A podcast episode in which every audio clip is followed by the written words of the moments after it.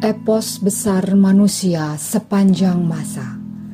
Mahabharata Ramayana ditulis oleh C. Raja Gopalacari diterbitkan oleh Ircisot dibacakan oleh Nyonya Wage dan Tamu Wage bagian kedua Ramayana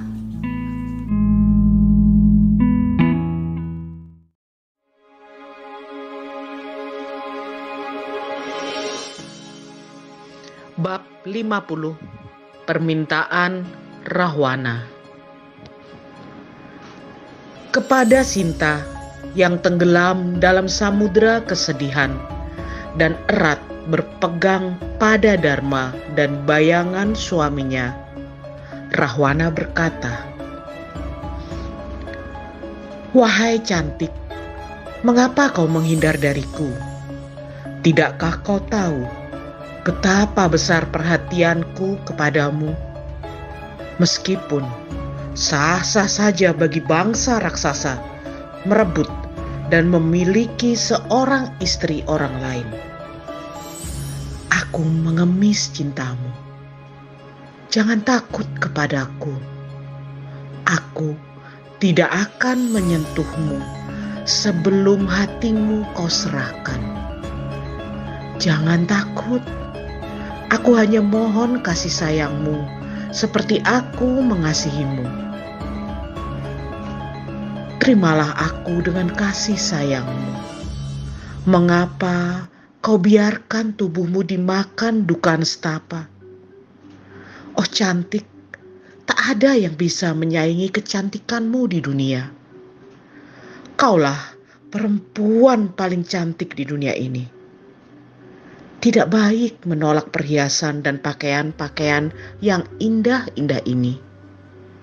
Tidak semestinya kau tidur di tanah dan membiarkan rambutmu berantakan tak terawat. Oh, permata kemilau di antara para wanita, jangan sia-siakan masa muda dan kecantikanmu. Sekarang kau berada di bawah lindunganku Kau tak akan kekurangan apa pun. Semua kesenangan akan disediakan untukmu. Aku tidak bisa palingkan mataku dari wajahmu yang bersinar terang seperti bulan purnama. Setiap kutatap tubuhmu, mataku seperti terpaku dan tak sanggup bergerak. Mengapa wanita yang sedemikian cantik sepertimu membiarkan diri dirajam duka nestapa? Terimalah aku dan nikmati semua kesenangan yang tersedia di dunia. Demimu akan kutaklukkan seluruh dunia dan serahkan kepada Janaka. Demimu, apa pun akan aku lakukan kau akan jadi permaisuri yang berkuasa. Semua permaisuri dan selir-selirku akan tunduk kepadamu. Kekayaan, kerajaanku, semuanya akan jadi milikmu. Kau bebas menikmatinya. Alengka, aku, jika perlu seluruh dunia akan kuberikan kepadamu Para dewa dan asura segan pada kesaktian dan keberanianku. Setelah kutaklukan, mereka menaruh hormat kepadaku. Para pelayanku akan mendandanimu dengan perhiasan dan pakaian yang pantas bagimu. Aku ingin kau berdandan dengan pantas Kau boleh memberikan sejumlah besar derma bagi kaum miskin papa. Kekuasaanmu akan merangkum semua umat manusia. Rakyat dan keluargaku akan dengan suka hati melayanimu. Mengapa buang waktu memikirkan Rama, si celaka yang kerjanya cuma mengembara di hutan? Bagaimana kau bisa cinta, percaya, kepada orang yang telah dilucuti dari haknya atas tahta dan diusir dari kerajaan. Bukankah ia hanya berkeliaran di hutan dengan pakaian dari kulit pohon? Apa yang bisa dilakukan manusia tanpa daya itu? Dewi kemakmuran yang berkuasa atas kekuasaan dan berkuasa atas kesuksesan telah lama meninggalkannya. Kau tahu itu, bahkan tidak jelas apakah ia masih hidup atau sudah mati kau bisa menerima tawaran cintaku. Ia tidak perlu memikirkan atau bahkan mendekatimu lagi. Seperti Garuda yang menyambar seekor ular, kau telah menyambar hatiku. Aku tidak bisa mengelak, bahkan dalam keadaanmu yang sekarang, tanpa perhiasan atau pakaian yang pantas kau sanggup membuatku berpaling dari istri-istriku yang lain. Apa yang harus aku lakukan sekarang? Di istanaku banyak sekali wanita-wanita cantik. Tapi setelah melihatmu, aku menjadi enggan melihat mereka. Kau akan menjadi permaisuri yang berkuasa dan dilayani oleh mereka semua. Dalam hal apa Rama bisa menandingiku? Tidakkah kau tahu dalam kedalaman tapa berata, kekuatan, kekayaan, dan kejayaan, bahkan dalam semua hal, aku jauh lebih baik daripadanya. Buang jauh ketakutanmu kita akan berkeliling dunia, menikmati kebersamaan kita. Denganku, kau akan nikmati kekayaan dan kesenangan yang tanpa batas. Hidup akan menjadi kegembiraan tanpa ujung. Oh cantik, kasihanilah aku marilah kita bermain-main di taman-taman dan hutan di pinggir pantai. Jawablah, ya.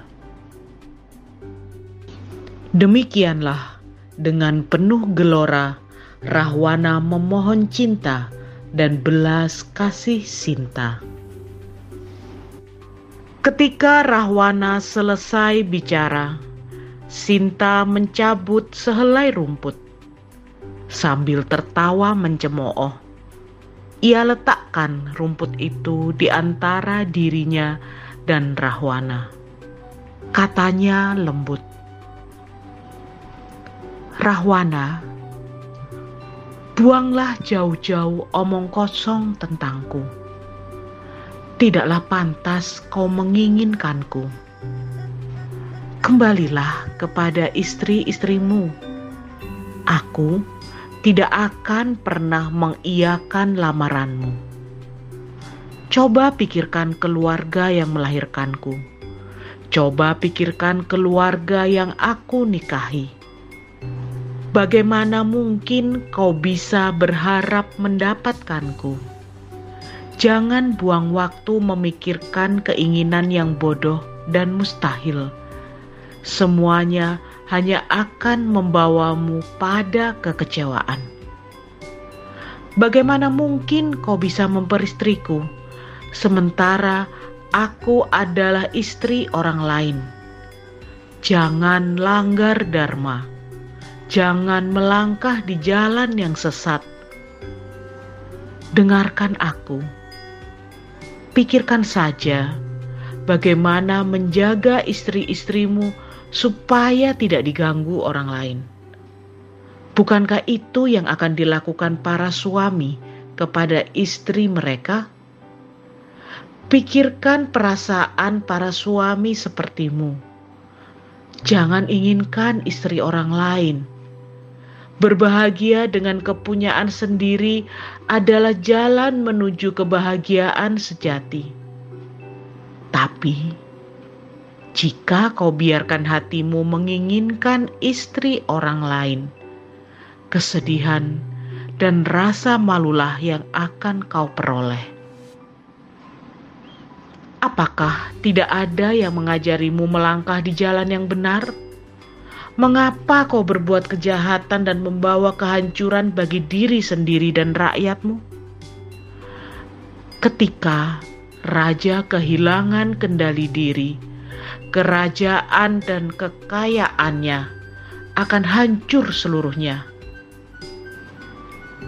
Yakinlah, alengka ini dan kekayaan yang berlimpah akan hancur lebur jika kau bersikeras dengan kedosaanmu. Musuh-musuh yang telah kau taklukkan dan permalukan akan bersukaria di atas kehancuranmu. Aku tidak menginginkan kekayaan dan kesenangan yang kau janjikan. Aku sama sekali tidak tergoda aku sudah menikah dengan Rama dia akan selalu ada di benak dan hatiku. Aku yang sudah mengucapkan sumpah janji di hadapannya, tidak akan mungkin mengucapkan sumpah janji yang sama kepada yang lain. Selamanya dan seutuhnya, aku adalah miliknya.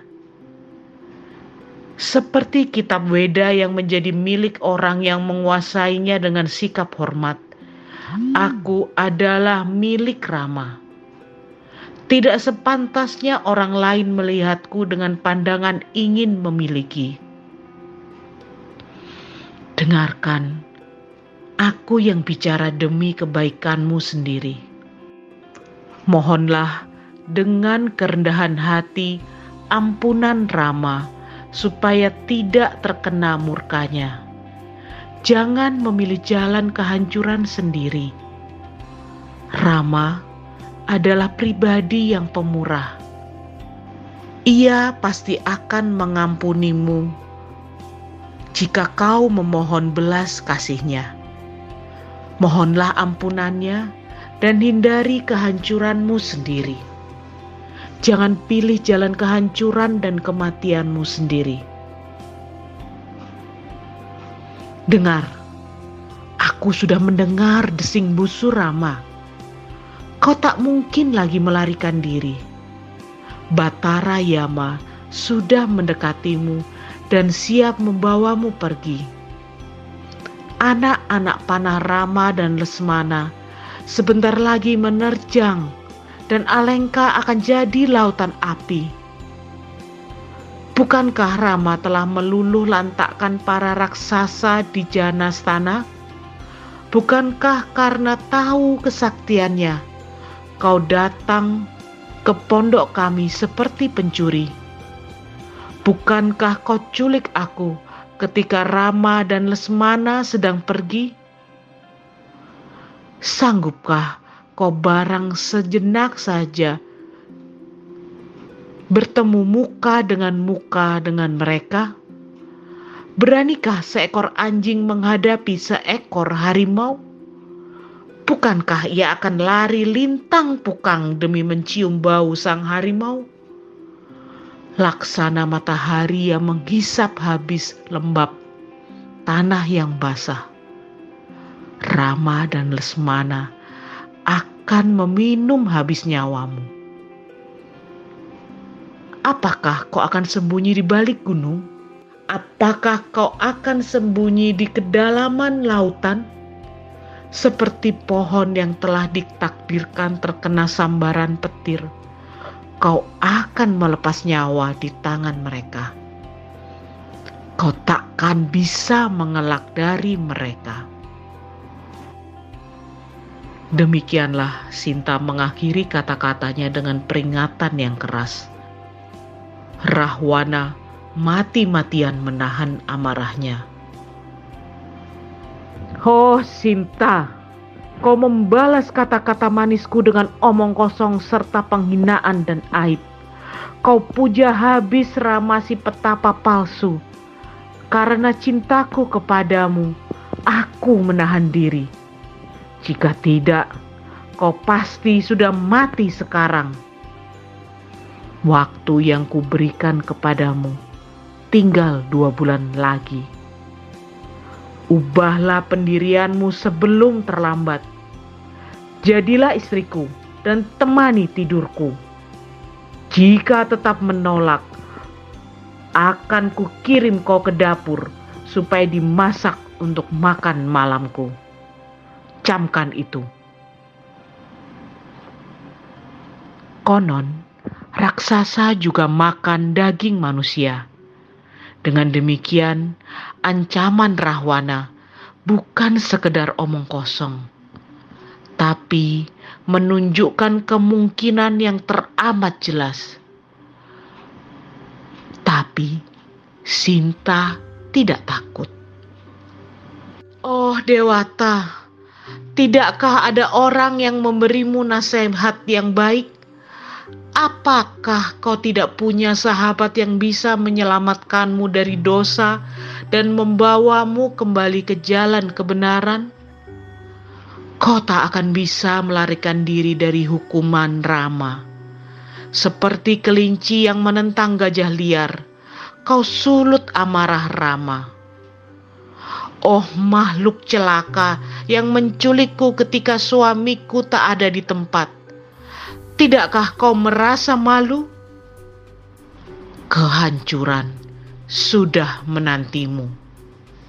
Takdirmu yang jahat telah menggiringmu pada kejahatan ini.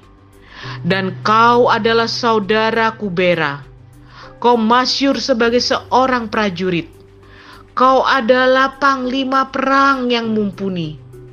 Mengapa kau lakukan tindakan memalukan ini dengan cara keji? Mata Rahwana nanar oleh amarah. Sambil mendesis seperti ular, ia tatap Sinta dengan tajam. Melihat amarah Rahwana merambat menuju puncak, salah satu istri mudanya, Danyamali, mendekat dan memeluknya. Rajaku, Mengapa kau buat kesal hatimu dengan manusia tak berperasaan ini? Sepertinya ia tidak sayang kepadamu. Ia tidak punya nasib baik untuk jadi istrimu. Itu saja masalahnya. Lantas, apa sih yang menarik dari perempuan ini? Mengapa buang-buang waktu memikirkan manusia lemah ini? Mari, mari kita pergi bersenang-senang. Dengan penuh kasih, ia bawa Rahwana pergi, dan raksasa itu pun pergi bersamanya sambil tertawa. Akan tetapi, sebelum meninggalkan tempat itu, Rahwana memerintahkan para raksasi yang menjaga Sinta untuk membawanya pergi berkeliling. Dengan langkah berdebam, ia tinggalkan Taman Asoka, diikuti rombongan. Segera setelah Rawana pergi, para raksasi pun mengelilingi Sinta. Sang putri yang sejak tadi tampak tegar, sekarang gemetar ketakutan ketika melihat makhluk-makhluk yang berwajah mengerikan itu bicara kepadanya. Ketika Rahwana keturunan keluarga mulia, pahlawan termasyur di dunia menginginkanmu, kata salah satu dari mereka. Bagaimana kau bisa menolaknya? Wahai perempuan dungu, kau pikir Rahwana itu siapa? Ketahuilah dia adalah keturunan langsung Batara Brahma. Dia adalah cucu Pulastya Prajapati, putra Batara Brahma. Dia adalah pahlawan yang telah memenangkan sekian banyak peperangan. Banyak sekali musuh yang tewas di tangannya. Betapa dungunya kau menolaknya. Jangan biarkan rasa angkuh menghancurkanmu, kata yang lain. Rahwana adalah putra Resi Wisrawa. Jangan kira ia bukan siapa-siapa. Terimalah lamarannya dan hiduplah bahagia. Raja raksasa yang telah mengalahkan dan memukul mundur para dewa di kayangan, memintamu menjadi istri kata yang lain lagi. Kau harus terima lamarannya, hai wanita malang, atau kau akan mati. Dengan mengesampingkan istri-istrinya yang lain, kata yang lain. Rahwana menginginkanmu dan berjanji membuat mereka tunduk kepadamu karena terpesona pada kecantikanmu. Ia memohon cintamu ia janjikan kau menjadi permaisuri yang utama, dan dia abaikan istri-istri yang lain. Mengapa kau masih keras kepala perempuan bodoh? Di dunia ini tak ada yang lebih agung dari Rahwana, kata yang lain lagi. Keberuntungan menghampirimu dan kau menolaknya. Betapa dungunya kau. Dewa matahari dan dewa angin pun takut kepadanya. Sekarang ia mendatangimu dan menjanjikanmu untuk bersedia menjadi istri kesayangannya. Jangan biarkan keangkuhan menipumu. Jangan tolak keberuntungan yang datang menghampirimu secara cuma-cuma. Kata yang lain mengakhiri pembicaraan. Kami sudah berikan nasihat yang baik. Kami sudah lakukan yang terbaik. Sekarang kau yang memutuskan. Jika kau menolak, kematian pun pasti akan menjemputmu.